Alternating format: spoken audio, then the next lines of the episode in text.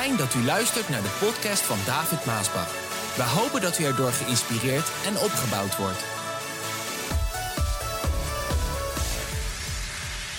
Ik wil lezen wat er staat in Colossense 3, vers 5. Weg dan met alle aardse zonden, zoals seksuele zonden, vuiligheid, hartstocht, slechte verlangens en hebzucht.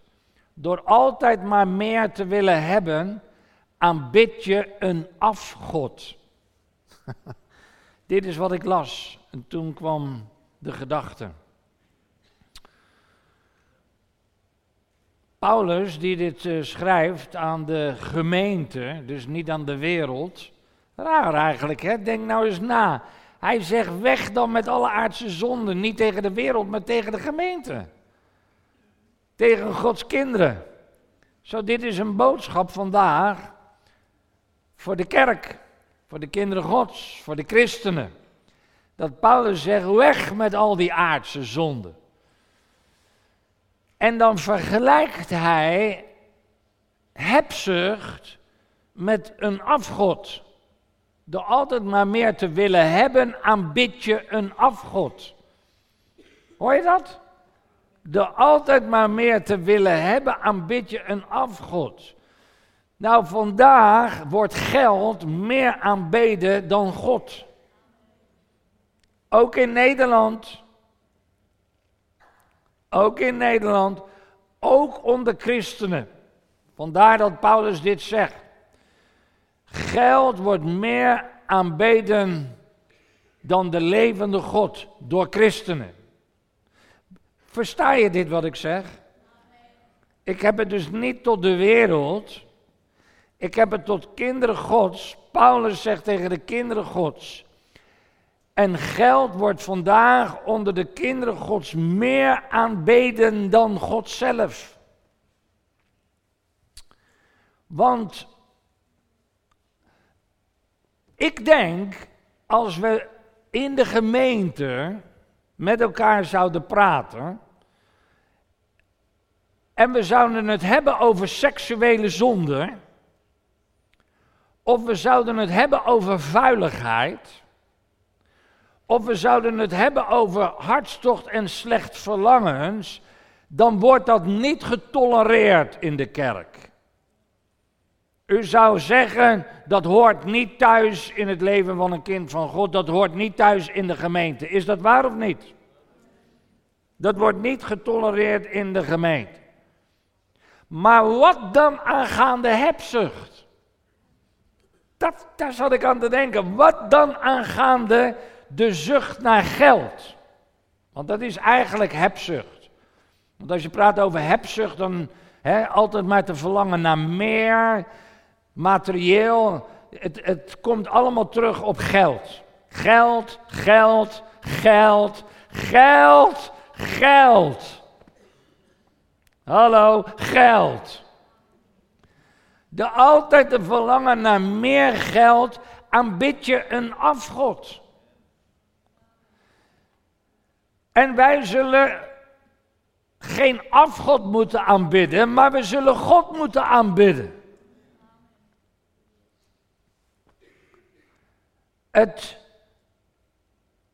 Als je niet wil dat de mammon, dat het geld op jou grip zal hebben, of jou in bezit zal hebben, dan zal je dus iets anders moeten aanbidden dan geld.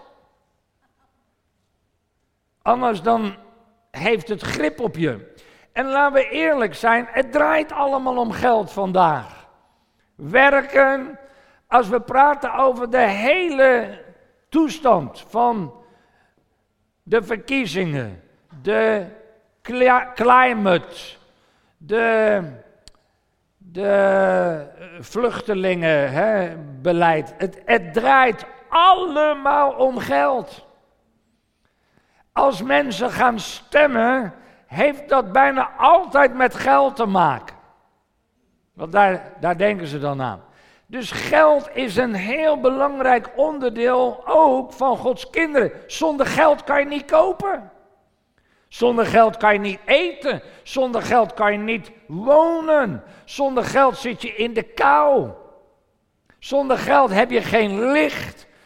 Zonder geld kan je niks. Geld is dus nodig. Maar Paulus die spreekt over de hebzucht, de zucht naar geld. Christenen die dus een zucht naar geld hebben, die aanbidden een afgod. Je zal dat dus moeten prijsgeven en je aanbidding aan God moeten geven, waardoor het geld geen macht over je zal hebben, waardoor je ook geen geld aanbidt. Dat heeft te maken met keuzes in je leven, dat begint al heel vroeg. Dat je keuzes maakt. Ga ik, ga ik voor de weg van de Heer of ga ik voor de weg van geld? Want dat, dat, dat wordt er al jong ingebracht met studeren. Het heeft allemaal ook met geld te maken. Onderhoud, carrière, wat verdien ik. In de hele toestand van de bankenwereld, noem maar op, draait allemaal om geld, bonussen. Er is heel veel hebzucht. Heel veel hebzucht. En er is ook heel veel hebzucht onder Gods kinderen, want die werken ook in de wereld. En vele van hen zijn ook altijd bezig met carrière en geld. Wat ben ik blij dat ik een keuze heb gemaakt, mama, om de weg van de Heer te gaan. Het moment, en ik weet, Regina heeft datzelfde gehad op jonge leeftijd al, dat je kwam eigenlijk van school uit, ik geloof 16 jaar, kwam je gelijk hierheen, naar het zendingswerk. En wij hebben ons leven gegeven. Het moment dat wij besloten om ons leven aan de Heer te geven, verbrak eigenlijk de macht van de mannen. Macht van het geld. En ik ben blij dat de kinderen hetzelfde hebben gedaan. En wat voor ons is, geldt ook voor u. De macht van het geld, van hebzucht, wordt verbroken wanneer je niet meer geld aanbidt, maar wanneer je God aanbidt. Zo is het toch? Quote. Geld geven is een vorm van aanbidding. Hoor je dat? Geld geven is een vorm van aanbidding. Want waar komt dat vandaan? Dat aanbidding gekoppeld wordt aan geld en geld gekoppeld wordt aan aanbidding. Dat komt van God zelf vandaan. Het is de manier waarop wij God aanbidden. En dat is al duizenden jaren oud. Geven, het geven van je geld, is een vorm van aanbidding zoals God dat heeft ingesteld in Exodus. Luister maar wat daar staat.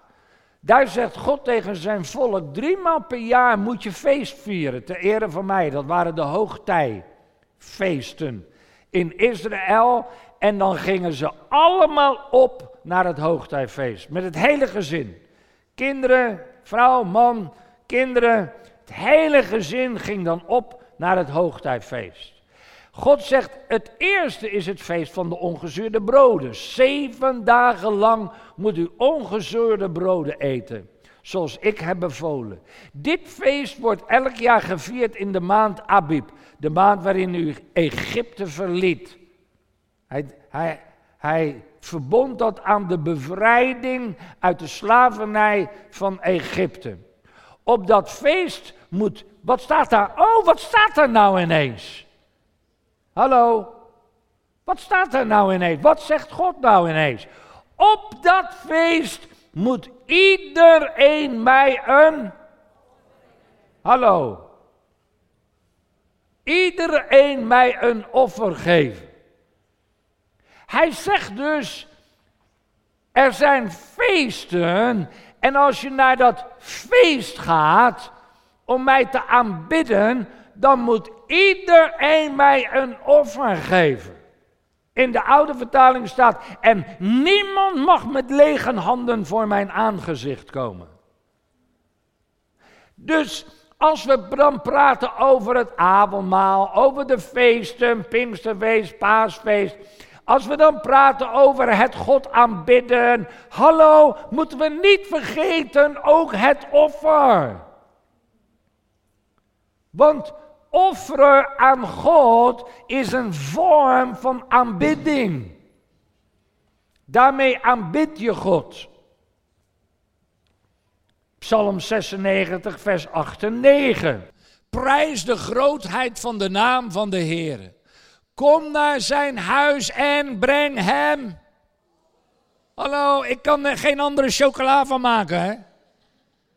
Het staat er allemaal wel. Kijk, en ik wil ook dat wij over deze dingen hebben die er ook staan. En waar we dan niet zo al zo vaak over praten, of sommige mensen zich dan aangevallen voelen. Maar het hoort er ook bij. Want vandaag spreek ik over Gods plan met jouw geld. Of, mag, of mogen we het daar niet over hebben? Het hoort er ook bij. Kom naar zijn huis en breng hem offers. Oh, doe je mooiste kleren aan. Dus je mooiste kleren naar het huis des Heren, dat zijn niet je gescheurde spijkerbroeken die je door de week draagt. Hallo. Maar ik weet dat die, die uh, er zijn steeds meer gemeentes die zo zijn. En ik zie ook steeds meer voorgangers die zo zich kleden. Ik vind dat niet horen. Dat moeten hun weten en als ze het goed vinden, dat is een zaak tussen God en hun, maar niet hier. En als ik wel eens een keer iets zou dragen, wat niet deze vorm is, maar een nieuw gen shirt of zo, dan heeft dat een betekenis in de boodschap die ik wil brengen.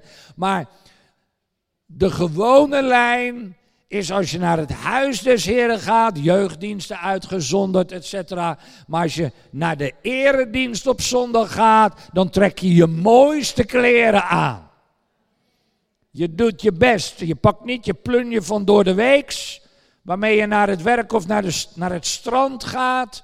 Maar dan pak je je mooiste kleren aan, je tut je een beetje op zodat je er goed uitziet, zodat je lekker fris ruikt, dan neem je offers mee. Wij voeden de kleine kinderen al op om ze een portemonneetje en wat geld mee te geven, zodat ze naar de zonderschool hun offers kunnen brengen. Want jong geleerd is oud gedaan. En deze dingen moeten wij de nieuwe kinderen, de nieuwe generatie bijbrengen. Doe je mooiste kleren aan, buig u voor de Heer en neer, laat de hele aarde beven als Hij komt. Ja, toch? Dat was het. Ja. Waarom is dit zo belangrijk dat ik hierover spreek? Omdat de Heer precies bijhoudt wat wij geven. U denkt misschien hier niet zo over na. Maar deze dingen zijn belangrijk voor God, anders had het niet in de Bijbel gestaan en het staat er veel. God, God spreekt hier veel over, omdat hier zijn zegen aan verbonden is. God ziet wat je geeft. En hij houdt het allemaal bij. Quote, God houdt een kasboek bij van alles dat wij aan hem geven. Hallo. Heeft hij dan zo'n klein kasboekje? Nou, ik weet niet hoe hij het bijhoudt. Wij zouden computers vandaag hebben, maar hoe God het ook bijhoudt, maar ik noem het maar even een kasboek, want dat is algemeen bekend. En een kasboekje, daar zet je al die dingen neer. In- en uitgaven. En God houdt een kasboek bij van alles dat wij geven. Dat voorbeeld kun je namelijk zien in nummer 7. Lees even wat God in zijn woord beschrijft. Van de leiders, de vorsten van, eh, van Israël. Nachson, de zoon van Aminabab, van de stam van Juda, dus een vorst, een leider van de stam van Juda, bracht zijn geschenk op de eerste dag. En dan gaat God precies beschrijven wat hij geeft.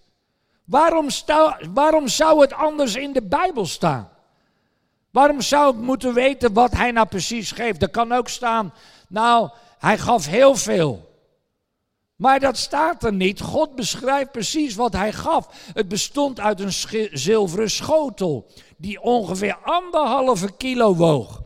En een zilveren schaal met een gewicht van bijna 800 gram. Trouwens even, zo'n zilveren schotel anderhalve kilo zeg.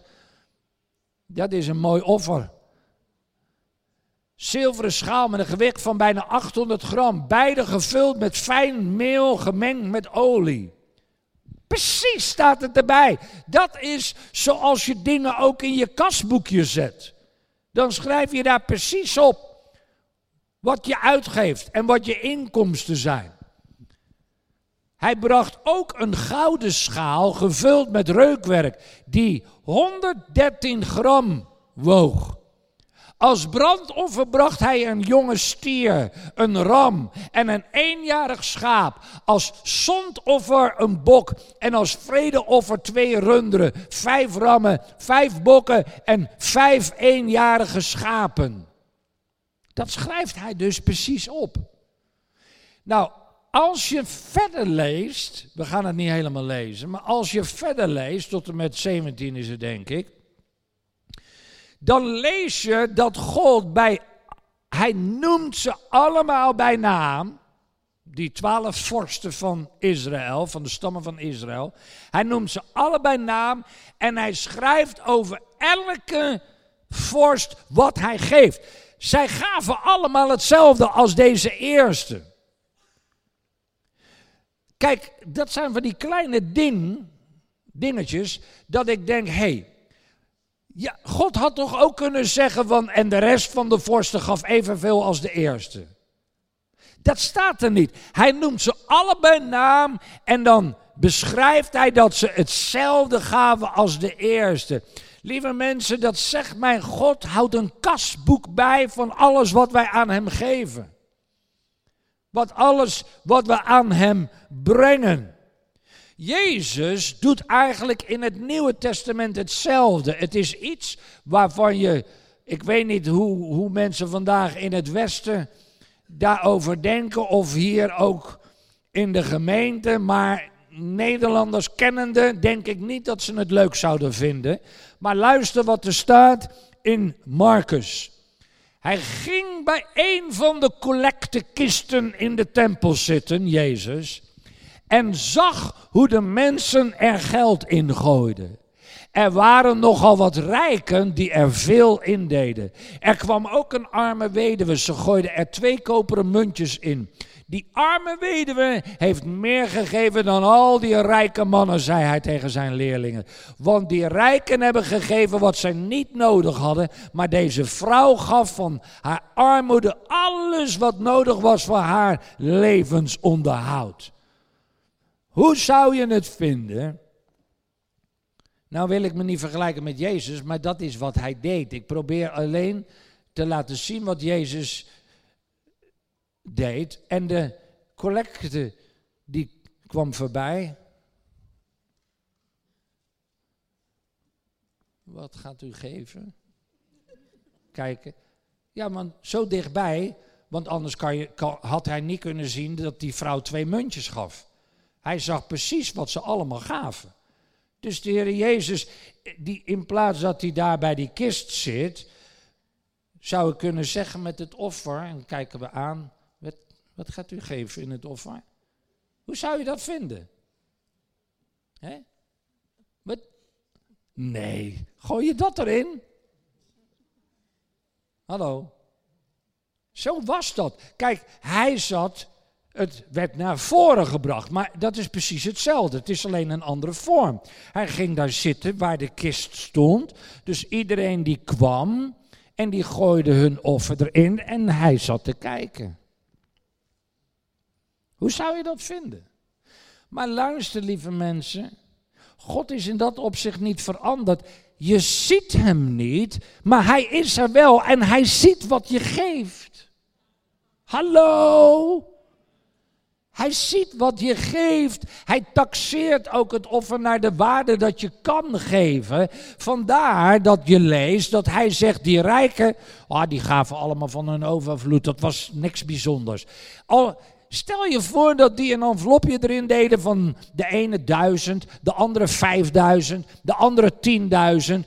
U zou denken, wow, wow. En dan komt er een oud vrouwtje die geeft maar twee 2 euro. Dan denk je bij jezelf, nou, vergeleken bij die anderen die duizend en tienduizend gaf, denk je, nou dat is ook niks. En dan kijk je daarop neer. Maar de Heer zegt, zij meer gegeven dan al die anderen die zoveel gaven. Want hun gaven, dat missen ze niet. Ze eten er geen boterham minder onder. Maar zij gaf alles van het kleine beetje wat ze had. Dat laat mij zien dat God ziet dus wat je geeft. Je ziet Hem niet, maar Hij ziet u wel. En Hij weet dus wat je geeft en of je wel of niet geeft. Uiteindelijk, wat de meesten vergeten, is dat we allemaal verantwoording zullen moeten afleggen. Dat zegt Paulus ook in Romeinen 14. Hij zegt, wij zullen ons persoonlijk persoonlijk voor God moeten verantwoorden. Dus straks in de hemel hoeft u geen verantwoording voor mij af te leggen. En ik niet voor u en jou, maar jij moet voor jezelf verantwoording afleggen. Wat je allemaal hebt gedaan en wat je ook allemaal hebt gegeven. Of niet hebt gegeven. Nou, Paulus, die waarschuwt ons in dit licht.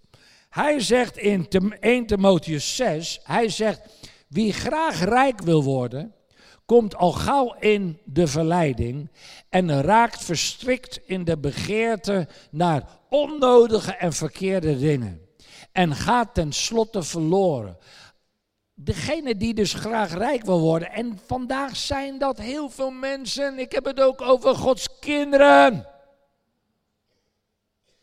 Is dat waar, David? Ja, dat is waar, anders zou ik de boodschap niet brengen. En anders zou Paulus het ook niet vertellen tegen de gemeente. En hier spreekt hij tegen Timotheus. Hij zegt die graag rijk wil worden, dan kom je gauw in de verleiding. Want de, hier komt het, hè. dit is een belangrijk om te onderstrepen in je Bijbel. De liefde voor het geld is de eerste stap naar allerlei andere zonden. Hij zegt niet, geld is de wortel van al het kwaad. Hij zegt niet, geld is de eerste stap naar allerlei andere zonden. Nee, hij zegt de liefde voor geld. Ofwel hebzucht. Het draaien om geld in je leven. Sommige mensen hebben zich daardoor zelfs van God afgekeerd. Hallo, Sommige mensen hebben voor het geld zich van God afgekeerd en zich veel ellende op de hals gehaald. Vraag. Hoe kun je in de praktijk God boven je geld plaatsen? Hoe kun je in de praktijk God boven je geld plaatsen? Nou, nummer 1, dit is wat Jezus zegt in Matthäus 6. Geef het koninkrijk van God en het doen van zijn wil de hoogste plaats in je leven. Al het andere zal u dan geschonken worden. Geef het koninkrijk van God dus niet geld. Niet een carrière. Niet een, nou, een huis, een auto, een bankrekening. Maar geef het koninkrijk van God de hoogste plaats in je leven. En ik weet nog goed dat papa dit dan tegen mij zei. Als ik bij hem kwam, ik was jong, tiener. En ik dacht na over een auto en een huis en een vrouw. En als ik het dan met hem daarover had, zei hij: David, David, zoek het koninkrijk van God. En al die dingen worden je gegeven. Op dat moment dacht ik: ja, dat is makkelijk gezegd. Maar het is waar. Kijk maar. En ik heb prachtige kinderen en nou ook kleinkinderen en ze dienen allemaal de Heer. Hoe komt dat? Wel, zijn koninkrijk zoeken. Niet je leven laten draaien om carrière en geld en dergelijke. Nee, zijn koninkrijk, hem aanbidden. En nummer twee vind ik belangrijk om te noemen, je tiende geven. Er staat Melchizedek, de koning van Salem, dat was Jeruzalem, die priester was van God, de Allerhoogste, kwam met brood en wijn voor Abraham. Hij heette toen nog Abraham, hè? En zijn mannen. Melchizedek zegende Abraham met de woorden: God, de Allerhoogste, de schepper van hemel en aarde, mogen u zegenen, Abraham. En geprezen zij God die uw vijanden het onderspit heeft laten delven. Luister wat er staat. Het staat er, ik kan er geen andere chocola van maken. Hierna schonk Abraham Melchizedek een tiende deel van alles wat hij had heroverd. Ja, maar David, dat is erg wettisch. Nee, dit was niet in de wet. Er was nog geen wet. De wet kwam pas met Mozes. Abraham leefde dus niet onder de wet. Dus helemaal in het begin in Genesis. En er staat dat Abraham gaf dus toen al, zonder dat de wet het zei, dus uit zichzelf, uit liefde, gaf hij Melchizedek een tiende. Hij was dus een tiende geven. Als aan God gaf hij het. Als aan de Heer. Jacob, die deed hetzelfde. Er staat, Jacob deed een gelofte. Als God mij op deze reis helpt en beschermt voor eten en kleding, zorgt en voor mij zorgt, zodat ik veilig zal terugkeren bij mijn vader en als de Heer mijn God zal zijn, dan zal deze gedenksteen een heilige plaats, een huis van God zijn. Van alles wat God mij geeft, zal ik hem één tiende deel teruggeven.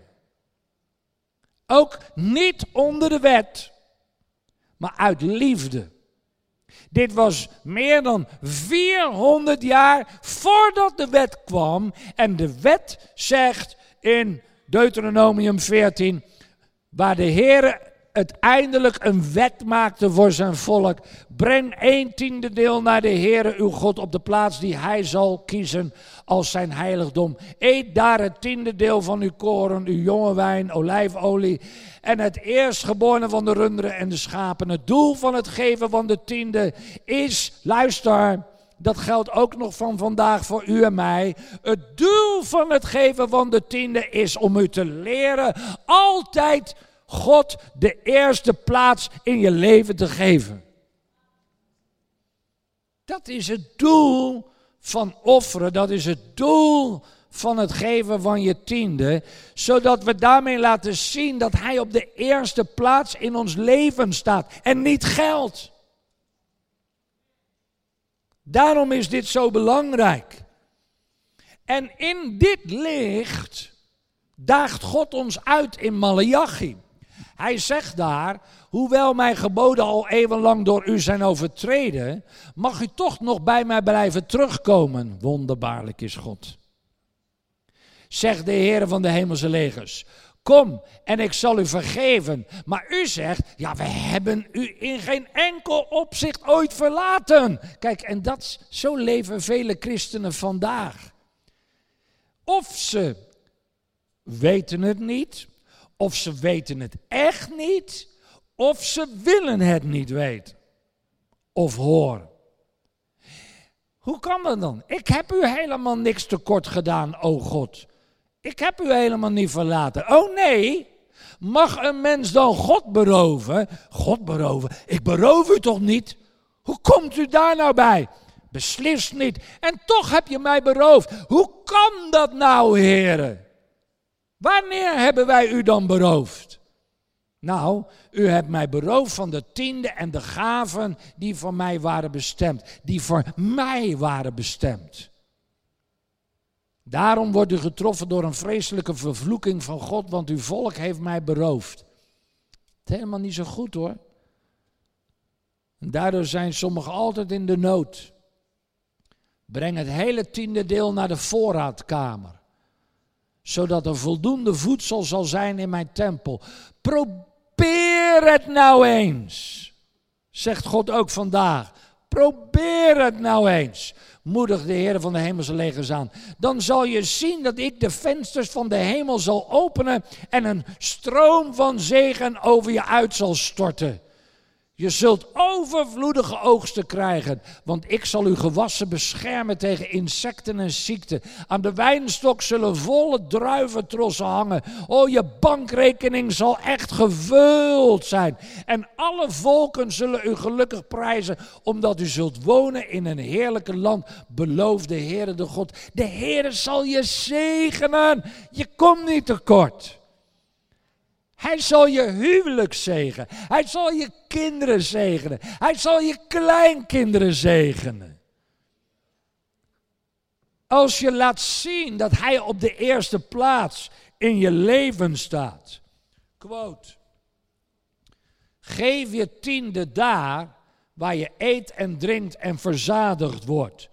Dus met andere woorden, de Bijbel waar we net over spraken, die spreekt dat wij onze tiende, onze offers naar de voorraadkamer moeten brengen. Maar waar is nou de voorraadkamer? Nou, de voorraadkamer is daar waar jij eet en drinkt. En dat betekent dus hier, in het huis des Heren. En als je dan geeft, dan geef je als aan de Heren. Want het zou toch raar zijn, en er zijn kerken die dat dan leren, en vooral misschien kerken uit, uh, ja, meer naar het oosten, dat als die mensen weggaan uh, uit, uh, uit landen in, in het oosten, Midden-Oosten daar, en ze gaan bijvoorbeeld naar het westen, ja, dan zeggen die voorgangers, maar je moet wel je tiende hier blijven brengen hoor. Dat vind ik wel handig, want als je naar het westen gaat, verdien je meer geld. Daar zijn de Polen ook achter gekomen. Maar ik zal je vertellen, dat is niet helemaal bijbels. Dus ik begrijp als mensen weggaan, dat ze dan ook daar geven waar ze naartoe gaan. En dan kan je niet blijven geven, want dat is toch raar. Maar waarom is dat raar, David? Want daar komen we toch vandaan. Ja, het is toch raar dat als je bij McDonald's gaat eten en je gaat afrekenen bij Burger King. Dat is toch raar of niet? Ja, David, als je het zo ziet, dan vind ik het wel raar. Ja, maar zo is het toch? Dit is toch de plaats waar je eet en drinkt? Dit is toch de plaats waar de Heer je gebracht heeft? Dit is toch de plaats waar je altijd voedsel krijgt? Dit is toch de plaats waar ze voor je bidden? Dit is toch de plaats waar je avondmaal viert? Dit is toch de plaats waar je je kinderen brengt? Dit is toch de plaats waar je kinderen trouwen? Dit is toch de plaats die je begrafenis regelt? Dit is toch de plaats, je thuisgemeente, waar je eet en drinkt, dan is dat de voorraadkamer en dan breng je daar je tiende en offers. En dat doe je als aan de Heer. Vraag. Wat wil God nou eerst? Je geld of je leven? Vond ik ook een goeie toen ik daaraan dacht. Je geld of je leven? Als er nou ineens iemand achter je staat en die houdt een pistool tegen je aan en die zegt je geld of je leven, wat zeg je dan? Nee, dan zeg je je geld. Je gaat er niet je leven geven voor die portemonnee die je bij je draagt. Ja, maar hier moest ik aan denken. Dan zeg je, neem het maar alsjeblieft, neem het maar, maar laat mij leven. Ja toch? Maar niet bij God. Hallo. God wil eerst je leven. Hij wil niet eerst je geld. Hij wil je leven. Hij wil je hart. Hij wil je leven. 2 Korinthe 8, vers 1 tot en met 5. Nu wil ik u vertellen, broeders en zusters, wat God in zijn genade voor de gemeente in Macedonië heeft gedaan. Oh ja, wat heeft hij gedaan? Nou, hoe meer zij door zware moeilijkheden op de proef werden gesteld, hoe groter ook hun blijdschap werd. Hallo. Meer beproeving, zwaarder, maar meer blijdschap. Hoewel zij zelf in armoede verkeren, hebben zij heel veel voor anderen gedaan. Het is dus nooit een excuus. Ik heb niks, dus ik kan niks doen. Het is geen excuus. Zij gaven meer weg dan ze konden missen. En ik kan getuigen dat ze het niet deden omdat wij het vroegen, maar omdat ze het zelf wilden. Het is niet omdat ik het wil, het is omdat u zelf wil geven aan de Heer. U wil Hem zelf aanbidden. U wil zelf geven uw tiende en uw offers aan de Heer, want je houdt van Hem. Hij staat op de eerste plaats in je leven. Romeinen 12, vers 1 zegt: Ik zeg u daarom, vrienden, dat u zich helemaal aan God moet wijden. Je moet je helemaal aan God geven. Te meer omdat Hij u al zijn liefdevolle goedheid aanbiedt. Laat uw lichaam een levend offer zijn. God wil je leven. Hij wil je hart een levend offer zijn. Heilig, zodat het een vreugde voor God is. Dat is de beste manier waarop je God kunt dienen. Hallo, wil je de beste manier weten waarop je God kunt dienen? Geef je leven. Boven alle anderen, geef je leven. Geef je hart. Jezus zegt het weer anders. Hij zegt, verzamel je geen op aarde geen kostbaarheden, want die vergaan of worden gestolen. Betekent het dan niet dat je geen huis mag hebben, geen auto? Natuurlijk mag dat allemaal. Geld mag ook. Geld is helemaal niet vies. Mensen zeggen geld is vies. Geld, geld op zich is niet vies. De geldzucht, dat is vies. Daardoor gebeuren er allerlei rare en gemene dingen in de wereld. Je wordt voor een tientje word je al doodgemaakt. Geldzucht, dat is niet goed. Al die dingen mag je hebben, maar zet je hart er niet op. Zet je hart op de Heer. Aanbid Hem boven geld. Je kunt beter kostbaarheden in de hemel verzamelen waar ze nooit zullen vergaan of gestolen worden. Want waar je kostbaarheden bewaart, daar zal ook je hart naar uitgaan. Daar waar je schat is, daar zal je hart zijn. Is je schat dus geld, dan is je hart bij het geld. Is je hart bij God, dan is God het belangrijkste in je leven. Dan is daar ook je hart. Waarom is dit belangrijk? Omdat het een tweerichtingsverkeer moet zijn.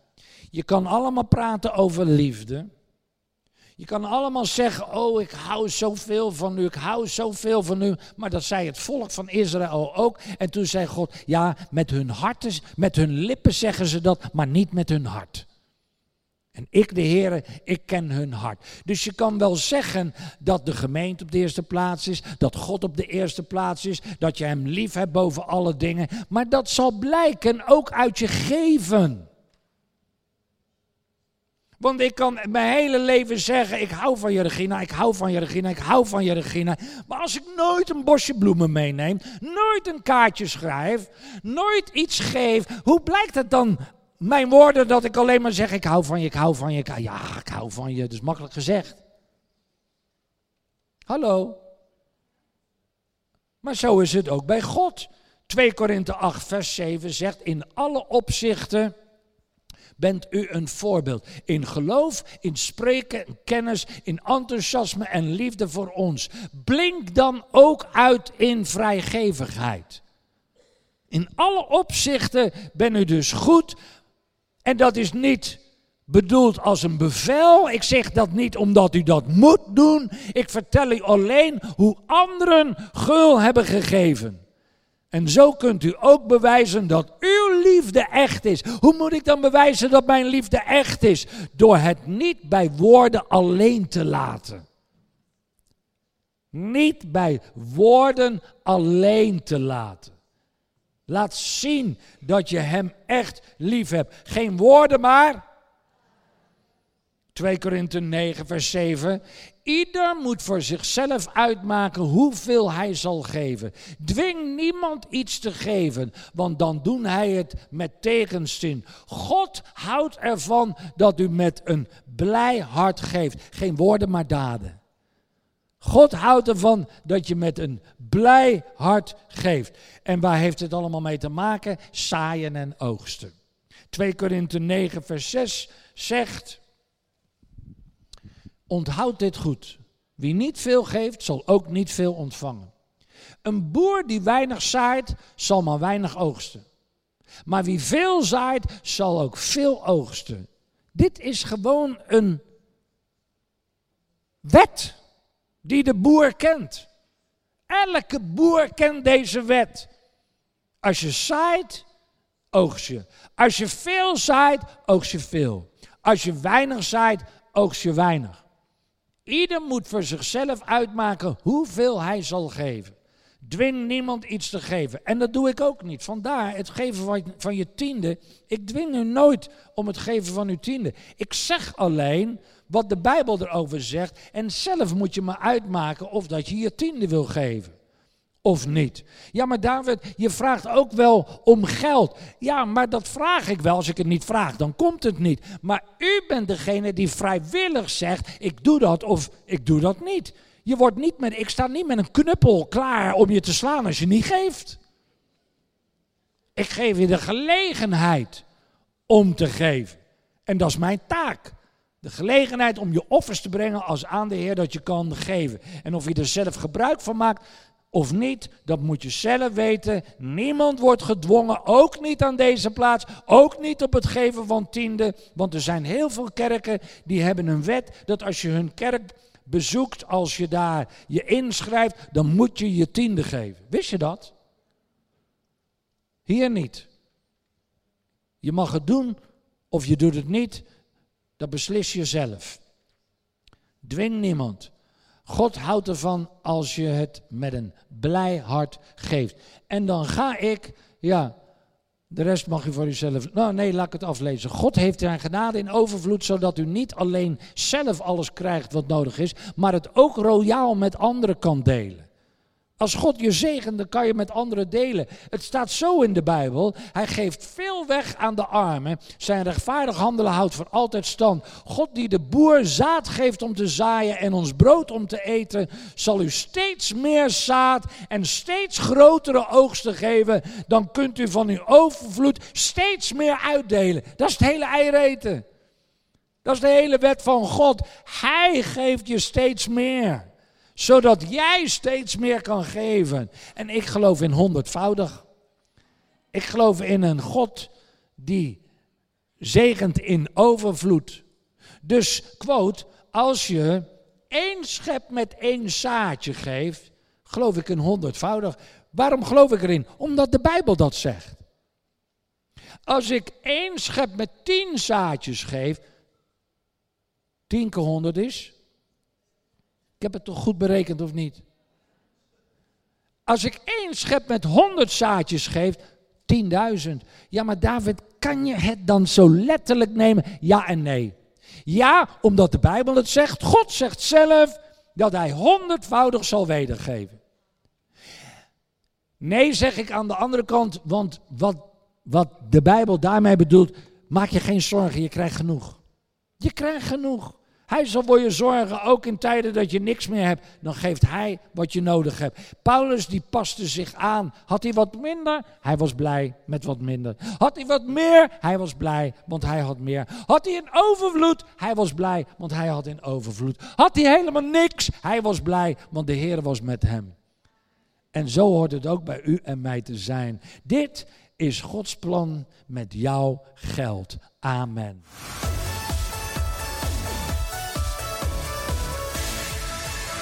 Bedankt voor het luisteren naar deze podcast.